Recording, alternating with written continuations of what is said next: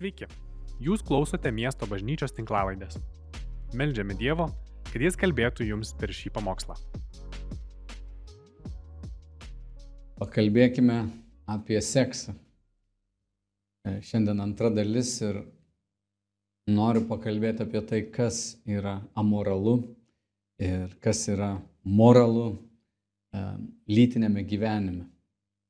Šventasis raštas tikrai neteilį šiuo klausimu. Beveik kiekvienas sąrašas apie įdas mini ištvirkavimą ir paleistuvystės. Tiek Senajame testamente, tiek Naujajame. Ir mes, na, negalėtumėm teikti, kad Dievas yra abejingas tam, kas vyksta krikščionio lytinėme gyvenime.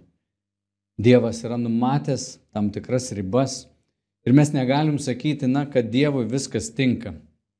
Dievas bjaurisi kai kuriais dalykais, arba, na, švelniau tariant, sakytumėm, Dievas nepritarė.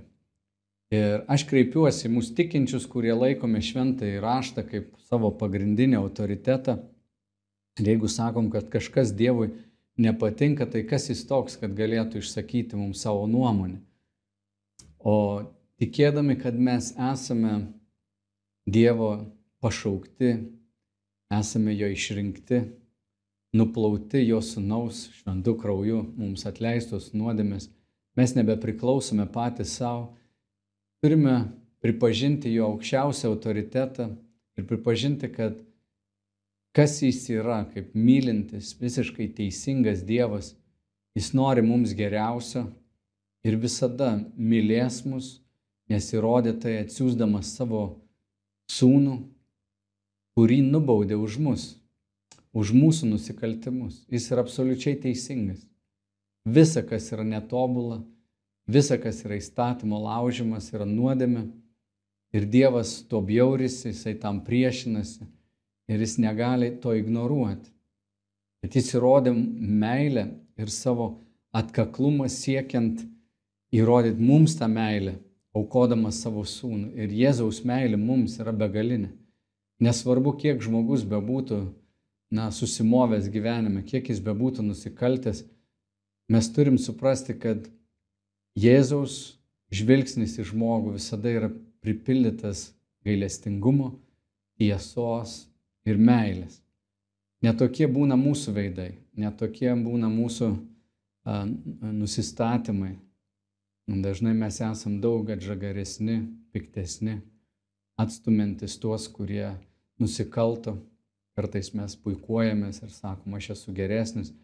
Ir kai kalbam apie seksą, tikrai nesinori kalbėti iš tokio aukšto nuosavo teisumo bokšto, bet žvelgti Dievo žodį Dievo akimis.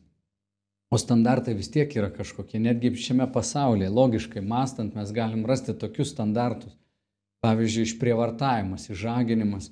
Didžioji dauguma žmonių pasakytų, tai yra nusikaltimas pažeisti silpnesnį žmogų, priversti jį daryti to, ko jis nenori. Ne, visi sakytų turbūt, didžioji dauguma žmonių sakytų, turi būti bendras sutikimas. Na, o jeigu yra bendras sutikimas, ar to pakanka?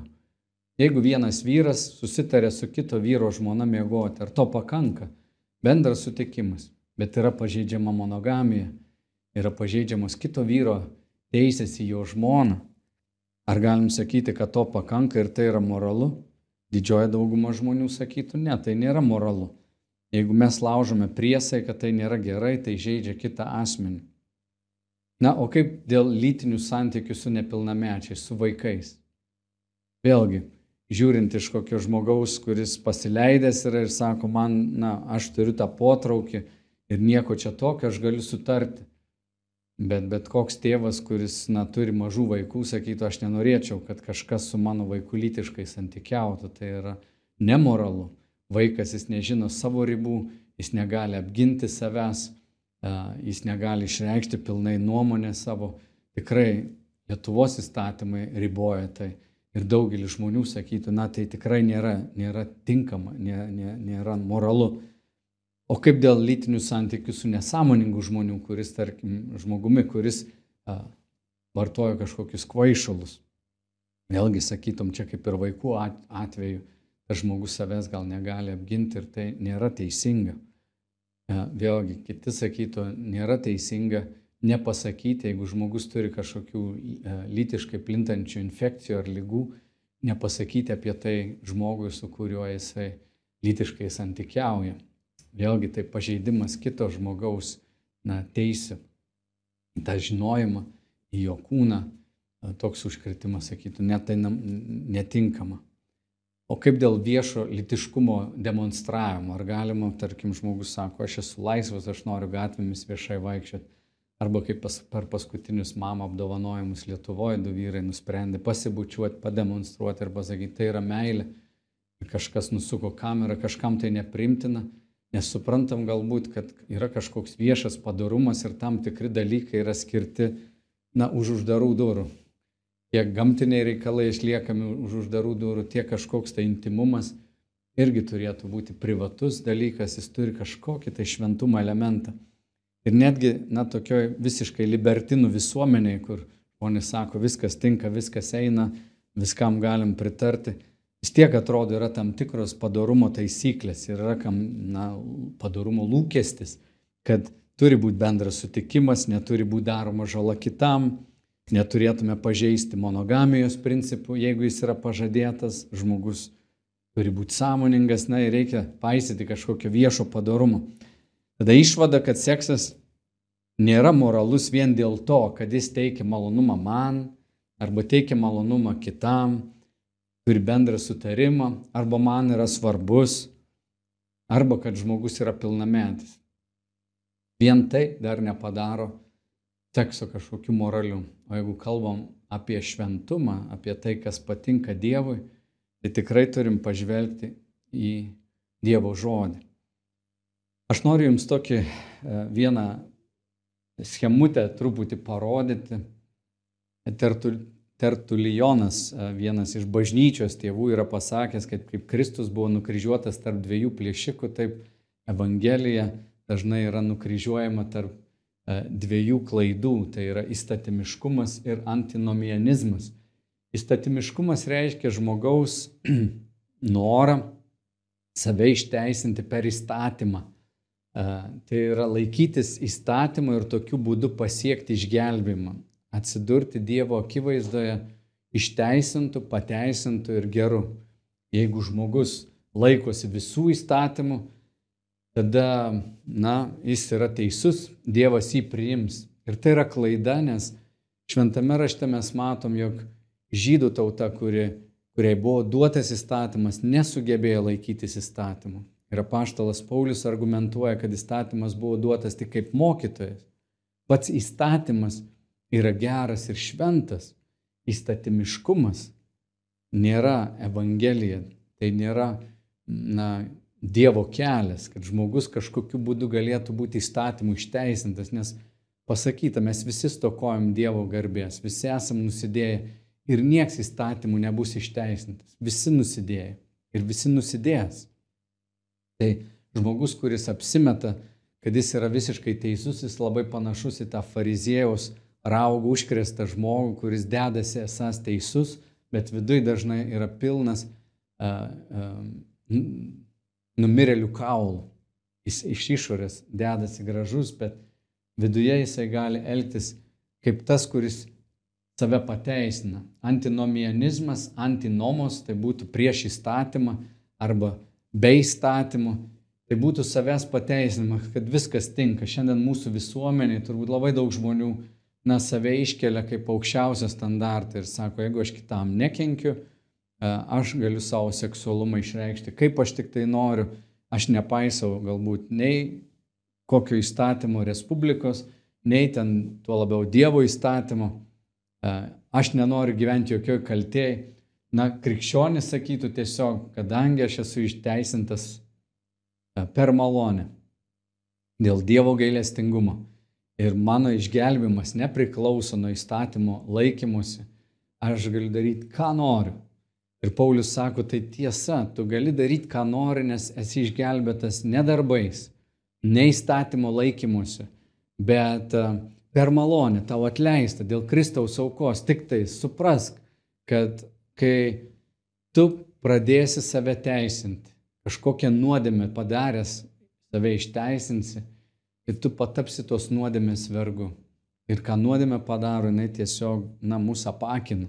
Ir po kiek laiko mes galim, na, tapti akli ir apskritai nebesuprasti, kur yra dešinė, kur yra kairė. O Evangelija, jinai yra susijusi su gailestingumu ir malonė. Šiem abiem dalykam, gailestingumu ir malonė, yra viena sąlyga. Jie veikia tik tais, kai yra, na, arba jie susiję su kažkokiu nusižengimu. Išeimo knygos 20 skyriuje, kai Dievas pirmą kartą pristato savo vardą žydų tautai, jis sako, aš esu maloningas ir aš esu gailestingas. Ir tai susijęs su kuo? Kad gailestingumas yra, kad Dievas neduoda mums to, ko mes nusipelnėm. Jeigu aš padariau nusikaltimą, vietoj to, kad jis mane nubaustų, jis man atleidžia. Tai yra Dievo didybė, Dievo gerumas parodytas mums nes kažkas kitas už mane a, priima a, tą bausmę. Senajame įstatymė būdavo nekaltas gyvulių kraujas buvo liejamas, kaip pridengti tik tais tas nuodėmės. Bet didysis, na, mūsų viešpats, jis yra Dievo vinėlis, kuris buvo už mus paukotas, kad Dievo gailestingumas būtų mums apreikštas. O malonė reiškia, kad Dievas duoda mums tai, ko mes nenusipelnėm. Taigi gailestingumas sulaiko teismą ir neduoda, ko nusipelnėm, malonė yra jo gerumas, kuris duoda, ko mes nenusipelnėm. Dievas parodo savo palankumą žmonėms, kurie tikrai to neverti. Ir įsivaizduokit, kad Dievas, kuris yra absoliučiai teisingas ir mylintis, turėjo rasti būdą, kaip uh, pažvelgti mūsų nuodėmę, ją nubausti, o mus, kurie turėtumėm būti sunaikinti, atskirti nuo jo, visiškai padaryti primtinais. Ir jis tai padarė per Kristų Jėzų.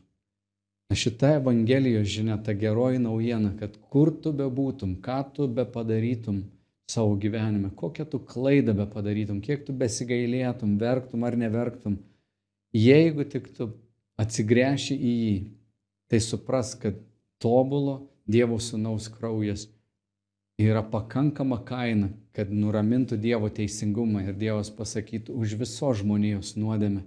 Šita auka, brangi auka buvo pakankama. Ir dabar aš galiu išreikšti tau uh, savo palankumą, parodyti malonę. Taigi, žmogus, kuris gyvena įstatymiškumu, gali labai lengvai nuvažiuoti ir į tokį visiškai savęs pateisinimą. Pilnas numirėlių kaulų, gali pasidaryti, kuris savęs teisins, išoriškai tik atrodys gerai. Tas, kuris atmeta įstatymą, sako, galiu gyventi kaip noriu, jis nepatirs gailestingumo ir malonės, nes tam reikalingas įstatymo prieimimas, pripažinimas savo klaidų, kad galėtų jis patirti Dievo gailestingumo malonę ir ramę sąžinę gyventi. Mums nei vienas, nei kitas kraštutinumas nėra tinkamas. Ir kai kalbam apie seksualumą, mums labai svarbu išlaikyti tai, kad teisingumas, tiesa, Dievo standartai, jie galioja mums ir mes galim išgyventi Dievo tą gerumą. Taigi, eikim toliau. Aš noriu pakalbėti apie du dalykus. Vieną, pakalbėti apie santoką ir monogamiją, kaip Dievo tą standartą, kurį Jėzus mums patvirtina irgi Naujajame testamente kaip tai, kas buvo nuo pat pradžio. Ir turbūt pakalbėti truputėlį apie e, vienišumą. E, perskaitysiu ištrauką iš Mato Evangelijos 19 skyriaus. Parizėjai taip pat atėjo pas jį ir mėgindami jį klausė, ar galima vyrui dėl kokios nors priežasties atleisti žmoną. Jis atsakė, argi neskaitote, neskaitėte, jog kuriejas iš pradžių sukūrė juos vyrą ir moterį ir pasakė, todėl žmogus paliks tėvą ir motiną ir susijungs su savo žmona ir du taps vienu kūnu. Ir Jėzus paaiškina, taigi jie jau nebėra du, o vienas kūnas. Todėl, ką Dievas sujungia, žmogus ten neperskiria. Santoka yra tai, kame dalyvauja pats Dievas, kai du žmonės um, pašvenčia savo gyvenimą pilnai, savo sielą, savo širdį atiduoda pilnai. Ir kaip išraiška to yra jų na, lytinis aktas, kuris na, jos padaro kaip ir vienu kūnu, vyras ir moteris lytinėme akte, jie susijungia, jų siela, jų kūnas yra tokioj vienovė, vien, e, yra viena. Ir Jėzus sako, kad Dievas tada sujungia tos žmonės. Jeigu jie išreiškia tokią valią, savo laisvą valią vienas ir kitas, pasako, aš būsiu tavo, o tu būsi mano. Ir aš tave mylėsiu, aš tau būsiu ištikimas. Mes darom tos bažnytinius įžadus, kad ar laimėje, ar, ar vargė kažkokia, ar sveikatoje, ar, ar lygoje, aš būsiu tau ištikimas, tave mylėsiu. Mes tokiais žodžiais užtvirtinam tą pradžią. Dievas tame dalyvauja ir jis sujungia. Ir jie sako, tai, ką Dievas sujungia, joks žmogus tegul neišskiria. Tai yra kažkas brangaus ir galim sakyti šventa. Du žmonės visiškai save atskiria nuo visų kitų žmonių kad būtų viena. Tai buvo pačioj pradžioj. Tada jie paklausė jo, kodėl Mozė įsakė duoti skirybų raštą atleidžiant žmoną. Jis atsakė, Mozė leido jums atleisti savo žmonas dėl jūsų širdies kietumo, bet pradžioje taip nebuvo. Ir aš jums sakau, kas atleidžia savo žmoną, jei ne dėl ištvirkavimo ir veda kitą svetimauja, ir kas atleista, jei veda svetimauja. Jo mokiniai pasakė jam, jei tokie vyro ir žmonos reikalai, tai geriau nevesti. Kas gali išstovėti, kas gali išlaikyti. Jau tuo metu jie matė turbūt daugybę pavyzdžių, kada žmonės na, neišbūna santokoje, kada santoka sugriūva. Ir mokiniai sako, gal tada geriau neprasidėti. Jeigu kas nors pasakytų, na, jūs pradedat verslą, bet kas bebūtų iš to verslo uždaryti negalėsit, ir jūs turėsit prapulti su to verslu, net jeigu tai kainuos jūsų gyvybę ir, ir jūs savo sielą prarasit, žodžiu, visi sakytų geriau tada verslo nepradėti. Bet Jėzus jiems atsakė, kad ne visi gali išmanyti tuos žodžius, o tik tie, kuriems duota. Ir jis įdomi labai čia prie to paties prideda, kad yra eunuchų, kurie gimė tokie iš motinos iščių, yra eunuchų, kuriuos tokius padarė žmonės, Ir yra eunuchų, kurie patys save tokius padarė dėl dangaus karalystės. Kas pajėgia išmanyti, tai išmano. Jėzus atrodo duoda tokius, na, vieną, sako, kad santoka yra stipriesiems, tai yra, kaip vienas Lietuvoje kunigas pasakė, stipriųjų privilegija.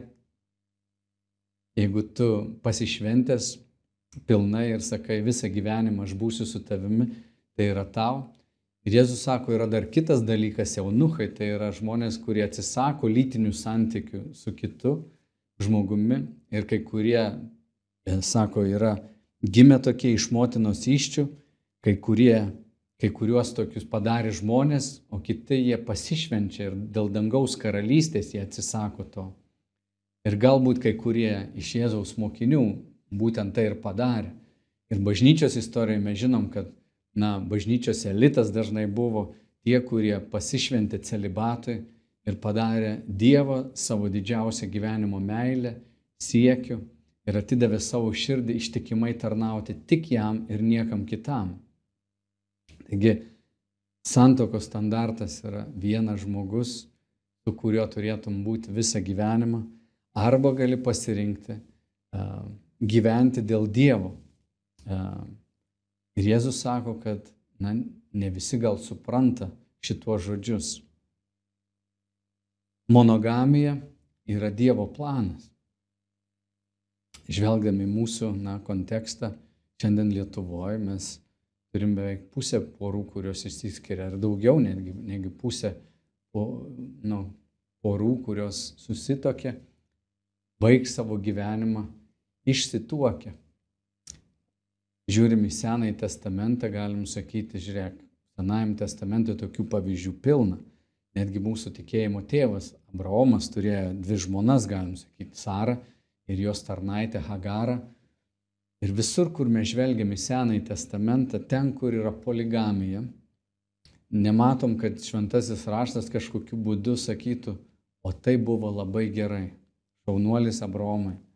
Ne, mes matom atvirkščiai įtampas Saros ir Hagaros palikuonis iki šių dienų yra žydų tauta ir daugelis arabų tautų, musulmonų tikėjimo žmonės. Ir jie vis dar tebe kovoja, yra įtampos, kurių neina net politiškai sutvarkyti. Tai ta prieš prieš atrodo buvo tenais ir tai labiau yra ženklas didelio nuopolio, didelio skausmo ir šimtų tūkstančių, gal milijonų žmonių mirčių pasiekmė. Taigi, žvelgdami į Senąjį testamentą, tikrai neturėtumėm suprasti, kad Senajame testamente tai yra kažkokiu būdu teisinama. Matom kitą sudėtingą atvejį e, Samuelio, mama Ona negali sulaukti vaikų, o kita Elkanos žmona Penina niekina Ona. Ir Ona meldžiasi, Dieve, duok man vaiką, duok man vaiką. Bet ta panieka, konkurencija, jinai matoma šeimoje. Žvelgiam į Dovydų gyvenimą, ten dar sudėtingiau, ten visas realybės šau galėtum pasakyti. Bet kiek ten skausmo, santykiavimas tarp brolių sesių, žmogžudystės dėl, dėl, dėl šitų įvykių, pavydai, išsiskirimai, kerštas, žodžiu, tragedija. Saliamono gyvenimas vėlgi. Saliamono širdis pavokta moterų. Jis turėjo apie tūkstantį moterų. Buvo labai turtingas ir turėjo didžiulį haremą. Jokių būdų tai nėra, nes šventame rašte teisinama, atvirkščiai perspėjimas, kad tai nuves, na, širdį į kitą pusę, kad moteris pavoks karaliaus širdį. Senajame testamente mes matom leidimus skyryboms dėl paleistuvystės, dėl fizinės prievartos arba nesirūpinimo išeimo 21 skyriui ir, ir pakartoto įstatymo 21 skyriui apie tai galim skaityti.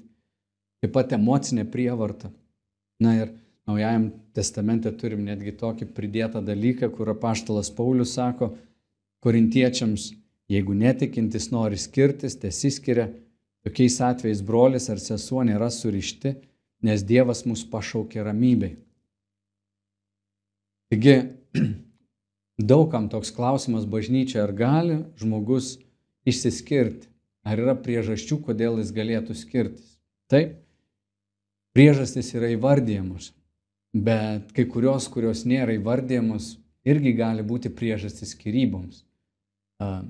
Smurtas šeimoje, bet tų tokių įvardintų kaip ištikimybė, neištikimybė, kur sakytum, na vienas buvo neištikimas, tada kitas yra laisvas, arba jeigu įvyko mirtis, Paulius sako, kitas yra laisvas, gali tuoktis, bet sako, mano nuomonė geriau, kad nebesituoktų, o tarnautų viešpačiui ir tai bus laimingesnis. Jis tikrai eina prieš tą, vėlgi, kultūrinį tokį supratimą, kad seksas yra būtinybė. Bet seksas nėra būtinybė. Tai nėra tas pats kaip tuštinimasis arba valgymas. Be šių dalykų mes numirtume, bet žmogus gali gyventi be sekso. O šiandieninis mitas, kad tavo psichinė sveikata sutriks, tavo kūnas negali to atlaikyti, Biblijoje mes to nematom. Mes matom kad Dievo idealas yra žmonėms susijungti, negerai žmogui būti vienam. Ir jis turėtų laikytis tos monogamijos. Bet jeigu santokoje vyksta karas, jeigu yra prievarta, jeigu yra smurtas, tikrai negalėtum sakyti, tu daryk viską, tik iškentiek. Aš galvoju, tarybiniais laikais daug žmonių liko santokose, nes buvo labai sunku pradėti naują gyvenimą kažkur, gauti būtą ar panašiai, buvo didelis toks socialinis tabu. Šiandien atrodo, kai visuomenė tokia pasidarė daug tokia e, laisvesnė savo pažiūromis, vakarietiška visuomenė su individualizmu sukuria labai daug galimybių tau pasimti paskolą, tu gali išsikrausti, atrodo, bus mažesnis pasiekmes, bet tai vėlgi yra nuėjimas nuo to Dievo standarto. Supraskim, kad Dievo standartas yra, kad žmonės patirtų tą gilę meilę su kažkuom. Mes esam sukurti santykiui. Santykis atspindi tai, kas vyksta trejybėje, bet tai yra per savęs dovanojimą. Dabar jeigu santokoje žmonės pradeda ėsti vienas kitą, tai Dievas, sako Paulius, mus pašaukė ramybei. Sako, jeigu netikintis, tarkim, nori skirtis, tai sako, Dievas pašaukė mus ramybei. Tegul jisai skiriasi, Bet aš mačiau savo gyvenime, konsultuodamas poras, kad tikrai kartais atrodo reikia rekomenduoti, kad jie atsiskirt. Ir esu ne vieną kartą girdėjęs, kada vyras pasako, na, jeigu būtum neišsiskyrę, aš būčiau žmoną užmušęs. Ir supranti, kad žmona buvo labai tokioj pažeidžiamoje vietoje. Kartai žmona dėl savo sužeidimų, pažiūrėjau, atsisako lytiškai santykiauti su savo vyru. Ir vėlgi pažeidžia tai, kas santokoje yra duodama, ar ne, kaip Paulius sako, vyrui nepriklauso ją, o paties kūnas, bet žmonai. Ir žmonai nepriklauso jos kūnas, jinai turi dovanoti savo kūną e, savo vyrui. Jeigu santokinės teisės yra na, atimamos iš vienas kito, čia jau reikia tokios stiprybės. Ir Jėzus sako, dažnai žmonės išsiskiria dėl širdies kietumo. Vieni gali tai pakęsti, kiti ne. Bet smurtas arba kažkokia prievarta neturėtų būti teisinami. Kokiu pagrindu aš tai sakau? Žvelgdamas į tai, ką šventame rašte randame apie bendruomenės gyvenimą, mes galime skaityti, pavyzdžiui, laiškė korintiečiams penktame skyriuje, kur Paulius sako, bet aš jums rašau, kad nebendrautumėte su tuo, kuris vadinasi brolis, o yra ištvirkelis, gopšas, stabmeldys, keikūnas, girtuoklis ar plėšikas, su tokiu net nevalgykite kartu. Tas pats pakartota ir Efeziečiams penktame skyriuje nuo trečios iki septintos eilutės, antrame Timotiejaus laiške, Timotiejų laiške, trečiame skyriuje nuo pirmos iki penktos eilutės. Taip pat pirmame laiške Timotiejui skaitome, jeigu kas nesirūpina savųjų, o ypač savo namiškių, e, neaprūpina savųjų, o ypač savo namiškių, tas yra paneigęs tikėjimą ir blogesnis už netikinti. Jeigu žmogus nesirūpina savo artimaisiais, pavyzdžiui, santokai būna, kad vyras neduoda pinigų, jeigu žmona vaikus prižiūri namuose, jis yra vienintelis, kuris uždirba ir žmonai nieko neduoda. Jie turi atskirus biudžetus, jisai jie laiko prispaudęs. Tai šventajame rašte, va, senajame testamente yra įstatymas, kuris draudžia taip vyrui elgtis. Tai ką daryti žmonai, kuri papuola į tokią bėdą ir jinai negali išeiti iš to. Įvairiausių smurto formų yra. Ir aš galvoju, jeigu Naujajam testamente mes randam tokį perspėjimą, kad atsiskirimas bendrystėje vienas nuo kito yra kaip perspėjimas tau, kad tu netinkamai elgiesi.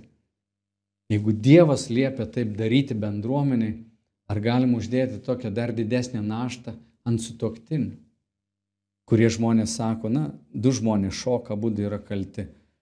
Nebūtinai, kartais santoka gali būti baisi dėl vieno smurto, vieno asmens smurto, nebūtinai abiejų. Ir čia tų atvejų yra tiek daug, kad aš, na, labai daug ir esu matęs uh, iš arti tų dalykų ir sunku net komentuoti. Kartais tikrai aš, aš nenoriu kažkaip suabsoliutinti arba taip apibendrinti, nes kiekvienas atvejis yra individualus. Tik čia labai norisi, kad Evangelija sušvistų šitoj vietoje kiekvienam žmogui, kuris patiria priespaudą arba smurtą santoką ir pasakyti štai ką. Jeigu įvyko skirybos, yra tam tikros geros, nu, geros, pateisinamos priežastis, tai Dievas atleidžia žmonėms skirybas. Tai nėra idealu, tai yra didelė netektis, didelė kančia, didelis skausmas, kuriuo aš nesu išgyvenęs, man sunku gal net ir tapatintis. Aš tik žinau, kad Dievas yra labai arti tų žmonių. O žmogui, kuris buvo galbūt tos santokos gurties priežastimi, turėtų labai taip prisimti atsakomybę už savo elgesį. Abu žmonės turėtų prisimti atsakomybę ir nenueiti ne į tokį nuosavą teisumą, kur apsimeti, kad viskas gerai. Ir dar blogiau gal neteisinti savęs, nes padarysi tą klaidą dar kartą ir dar kartą. Labai svarbu ieškoti gailestingumo ir malonės ir bendruomenė turėtų būti ta vieta, kur tu gauni išgydymą, nes jeigu tau nepavyko santokoje, tu gavai tą atleidimą, Tai nesislėpk, nebėk nuo bendruomenės, kaip tik eik arčiau, eik kalbėtis, ieškok pagalbos, kad ir antrą kartą neįpultum į tą patį, nes man tenka matyti, kai būna paskubama, kai būna išeinama kartais iš kažkokių santykių ir toks gilus tas liudesys, tas vienatvės jausmas, kad noris pulti greitai į kitą santyki. Mums taip svarbu turėti tų piršlių, kurie iš šono pažiūrėtų šiandien nebeegzistuojanti profesija piršliai arba žmonės, kurie na, padėtų keliauti per visą šitą netekti. Ir bažnyčia turėtų būti ta vieta, kur mes na, su gailestingumu ir malonė priimam žmonės, jeigu yra atgaila. Liūdniausia matyti, kai žmogus sako, čia kito klaidos, čia kito kaltė, manim viskas gerai, na tada mažai vilties, kad jis įeis į kitą tokį gilų santyki, kuris galėtų save pašvesti. Ir ten greičiausiai bus daug skausmų, jeigu jis neišmoko savęs dovanoti, pakesti, išbūti. Gali būti, kad jis to neišmoks vien dėl to, kad išsiskyrė. Jeigu jis toliau eis dėl to, kad sako, esu vienišas ir nori būti laimingas, to tikrai nepakanka pastatyti uh, dieviško santykių arba to, ką Dievas suplanavo. Turi būti visai kita intencija, daryti kitą laimingų, tarnauti kitam ir rimtai labai apmastyti. Ir noris tikrai sakyti, kad niekada nesislėpk, nepabėg, o išbūktame, na, su Dievu toje kančioje ir leis, kad jis tave vestų, tave gydytų. Keletą žodžių noriu dar pasakyti dabar, pereiti nuo santokos ir skirybų. Aš viliuosi, jūs išgirdot, kad tikrai yra atleidimas. Bendruomenė yra ta vieta, kurioje duris nėra uždaromos žmonėms, kurie išsiskyrė. Jie gali būti čia, ieškoti kelią, bet galbūt Dievas pašaukė, kaip Paulius sako, jeigu tu išsiskyriai, Galbūt tau reikia pašvesti savo gyvenimą Kristui ir gyventi vienatvėje. Ir alternatyva tam būtų pašvesti save bendruomenį, pašvesti žmonėms ir dovanoti save Dievui visų pirma ir po to jo bendruomenį. O ką daryti tada su seksualumu? Ką daryti, jeigu aš neturiu kito asmens, ar tai reiškia, kad aš niekada nepatirsiu daugiau lytinių santykių? Gali būti. Noriu vieną tokią temą paliesti labai trumpai. Tai yra masturbacija arba solo seksas. Labai įdomu pastebėti, kad šventame rašte apie tai nėra niekur užsiminama. Ir bažnyčia, na tarkim, katalikų bažnyčios katekizmas tai griežtai draudžia ir sako, kad tai yra blogai. Yra priežastis, kurias trumpai tiesiog apsvarstymui noriu ir jum pateikti. Bet mes suprantam, kad kai žmogus bręsta, jis išgyvena savo litiškumą, kai brandos laikotarpis prasideda, pradeda žmogus pajausti, kad yra tam tikros kūno dalis, kurias liečiant žmogus išgyvena malonumą. Gali būti šlapi sapnai ir sakai, kas, kas čia įvyko, toks šokas ir, ir kartais gėdos jausmas.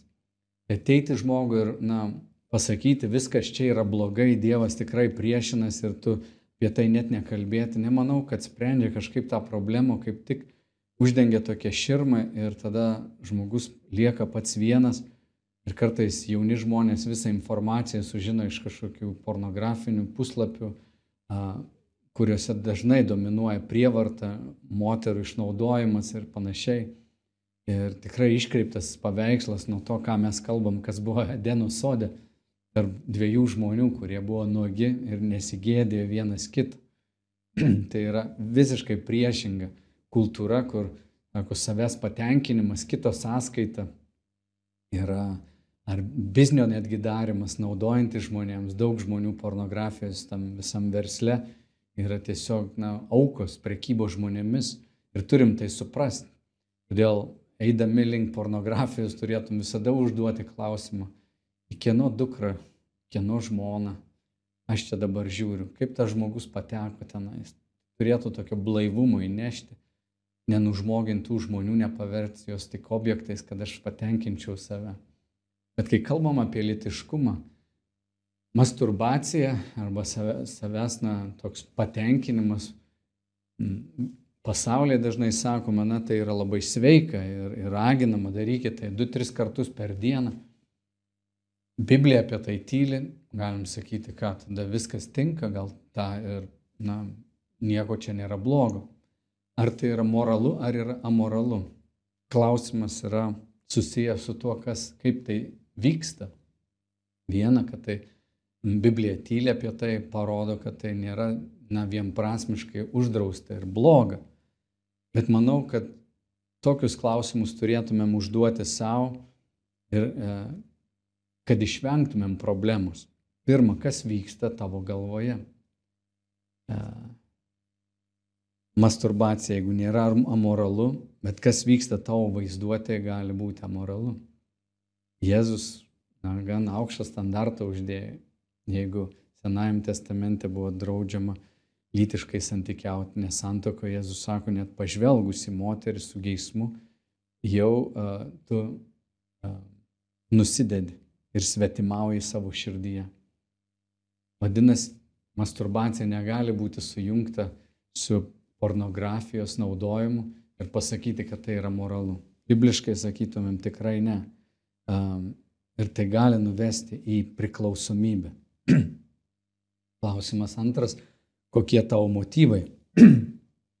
Dievui labai rūpi, kas vyksta mūsų širdyje. Kūnas nėra atskirtas nuo mūsų sielos. E, žinot, kaip ir pinigų aukojimas. Vienas žmogus gali aukoti, sakyti, o kaip fainai jis paukojo, bet jis gali daryti tai su visiška tokia puikybės nuo, nuostata, noru pasirodyti ir tauka bus Dievo atmestina, net nebus primta. Jeigu jis daro tai iš meilės Dievui ir daro tai slaptai, slapčioje sakai, tada, o tai yra nuostabu, Dievui rūpi, kas vyksta viduj. Taigi, seksas ar mūsų litiškumas yra duotas mums e, kaip troškimas visų pirma užmėgsti ryšį su kitu asmeniu. O solo seksas, taip vadinamas, jisai neatsako to poreikio, jis atvirkščiai sukuria tokį kaip priešingą galbūt įvaizdį, kad, na, aš save patenkinu ir ieškau savo malonumų, bet ryšio su kitu žmogumi nėra. Taigi tai turėtų būti tas, na, paauglio kūne plūstantis hormonai, jie sužadina ieškoti bendrystės ir to intimumo. O masturbacija dažnai to nepatenkins. Ir čia kyla kiti vat, klausimai, kai žmonės sako, na, čia jokio gal pavojaus nėra. O ką jeigu mes draugaujam ir tiesiog vat, vienas kitą žadinam, ne šiaip pornografija, bet mes, na, tarkim, yra seksas telefonu, kažkaip vienas kitą mes, na padrasinam tokiu būdu. Arba šiais laikais gali kažkas iš vaikinų paprašyti, kad merginai nusifotografuotų. Ir tu sakai, ar tai moralu būtų. Klausimas tada yra, taip, jeigu jūs jau einat link to santykio, ar jūsų tas kūno atidavimas seka jau tai, kad jūs vienas kitą padovanojot, kad jūs suprasdami savo įsipareigojimą, jūs įėjot į tą santykį ir jūs surišit savo gyvenimą visam laikui rodo statistika, vieną apklausą aš skaičiau, gan išsame apklausa buvo padaryta, pirmieji lytiniai santykiai, 80 procentų vaikinų nemano, kad tai bus jų ateities sutoktinis. Atsiprašau, tik 12 procentų vaikinų mano, kad tai bus jų ateities sutoktinis, kai tuo tarpu 80 procentų merginų galvoja, galbūt tai yra mano būsimas vyras. Ir čia mes matom tą skirtumą, ar ne? Tai visada reiktų labai rimtai tai pamastyti. Dieve, tu nori man geriausia. Ar aš turėčiau dovanoti savo kūną kažkam arba apsinuoginti, jeigu mes dar nesam davę jokių įžadų. O įžadų stiprumas yra tame, kad kai tu tai darai su liudininkais ir pagal įstatymą Lietuvoje turi būti liudininkai arba darom bažnytinę santoką, tai kai visi tame dalyvauja ir visi tam pritarė, visi džiaugiasi, padarytos vestuvės, ir jūsų lytiniai santykiai prasideda po vestuvių, tas susivaldymas, susilaikimas na, yra didžiausia šventė ir jinai pasitarnaus jums ateityje. Aš tikrai raginu laikytis kiek įmanoma skaistumo iki santokos ir kai save jau padovanosi, kai tai bus užtvirtinta a, valstybės ar bažnyčioje, na tada tu ir visi tave aplinkui palaiko, tai yra tikra šventė. Tikrai nesinorėtų, kad tie dalykai vyktų kažkur nematomai, pasislėpus kažkokiam kambarėlį, rusy, krūmuose ar dar kur nors. Tai turėtų būti didelė šventė. Na taip Dievas sukūrė. Todėl neskubėk niekada savęs atiduoti. Kitas dalykas, kai kalbam apie tą solo seksą ir įvairias tokias formas, ar tai valdo tave?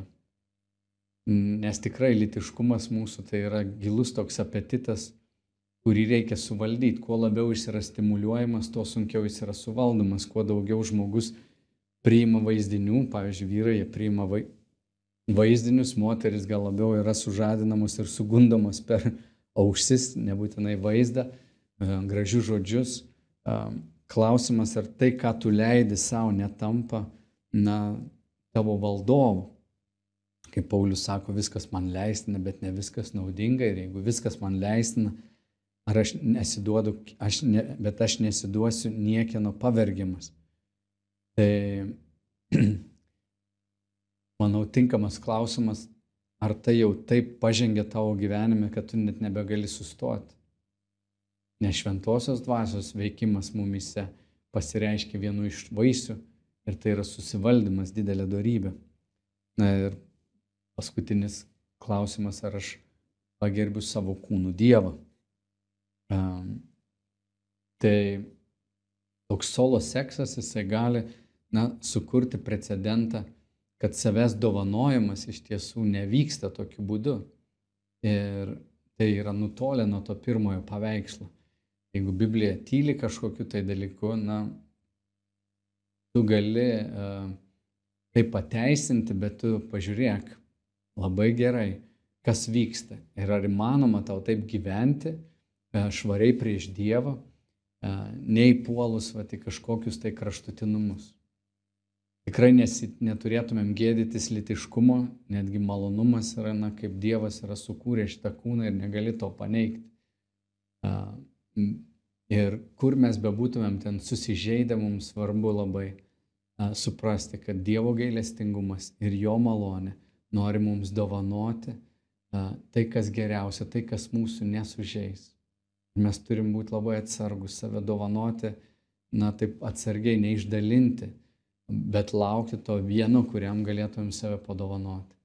Ir jeigu to žmogaus nėra, gal kažkas nesutiko jo, gal niekada nesutiks, nemanau, kad tai yra gyvenimo tragedija sakysi, tau lengva kalbėti, tu turi žmoną.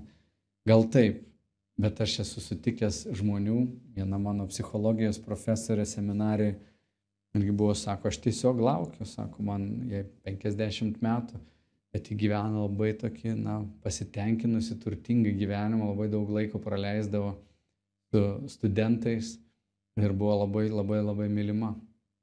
Aš galvoju, kad tikrai mes turėtumėm priimti, kad seksas nėra viskas. Ir tiek, kiek jis yra šiandien išaukštinamas iki vos netokios soteriologijos. Mokslo apie išgelbėjimą, tai tarsi būdas išsigelbėti, būdas save įprasminti. Tai bibliškai tikrai taip nėra. Jeigu Jėzus taps mūsų gyvenimo šaltiniu, tai visa kita mus tikrai, na, praturtins. Bet jeigu kažkas kitkas, seksas tame tarpe, netgi santoka, yra taip sureikšminama, šeima taip sureikšminama, tai labai lengvai gali tapti stabu ir mes patirsim tikrai nusivylimą, nes dažnu atveju patys esam kietų širdžių, sunkiai atleidžiam, sunkiai priimam.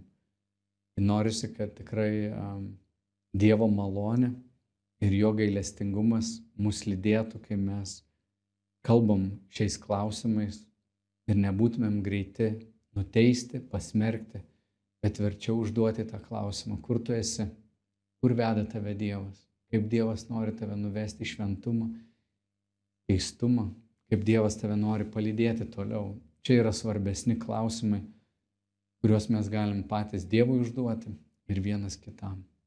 Taigi šventoji dvasia aš meldžiu, kad tu duotum mums malonės mylėti vienas kitą, priimti vienas kitą neišsižadėti tavo standartų, bet šiame pasaulyje būti pavyzdžių. Taigi, tėvai, išlaikyk mus tiesoje ir šventume. Per Kristų Jėzų mūsų viešpati meldžiam. Amen. Ačiū, kad klausėte. Daugiau informacijos rasite mūsų svetainėje miesto bažnyčia.lt arba Facebook, Instagram ir YouTube paskiruose.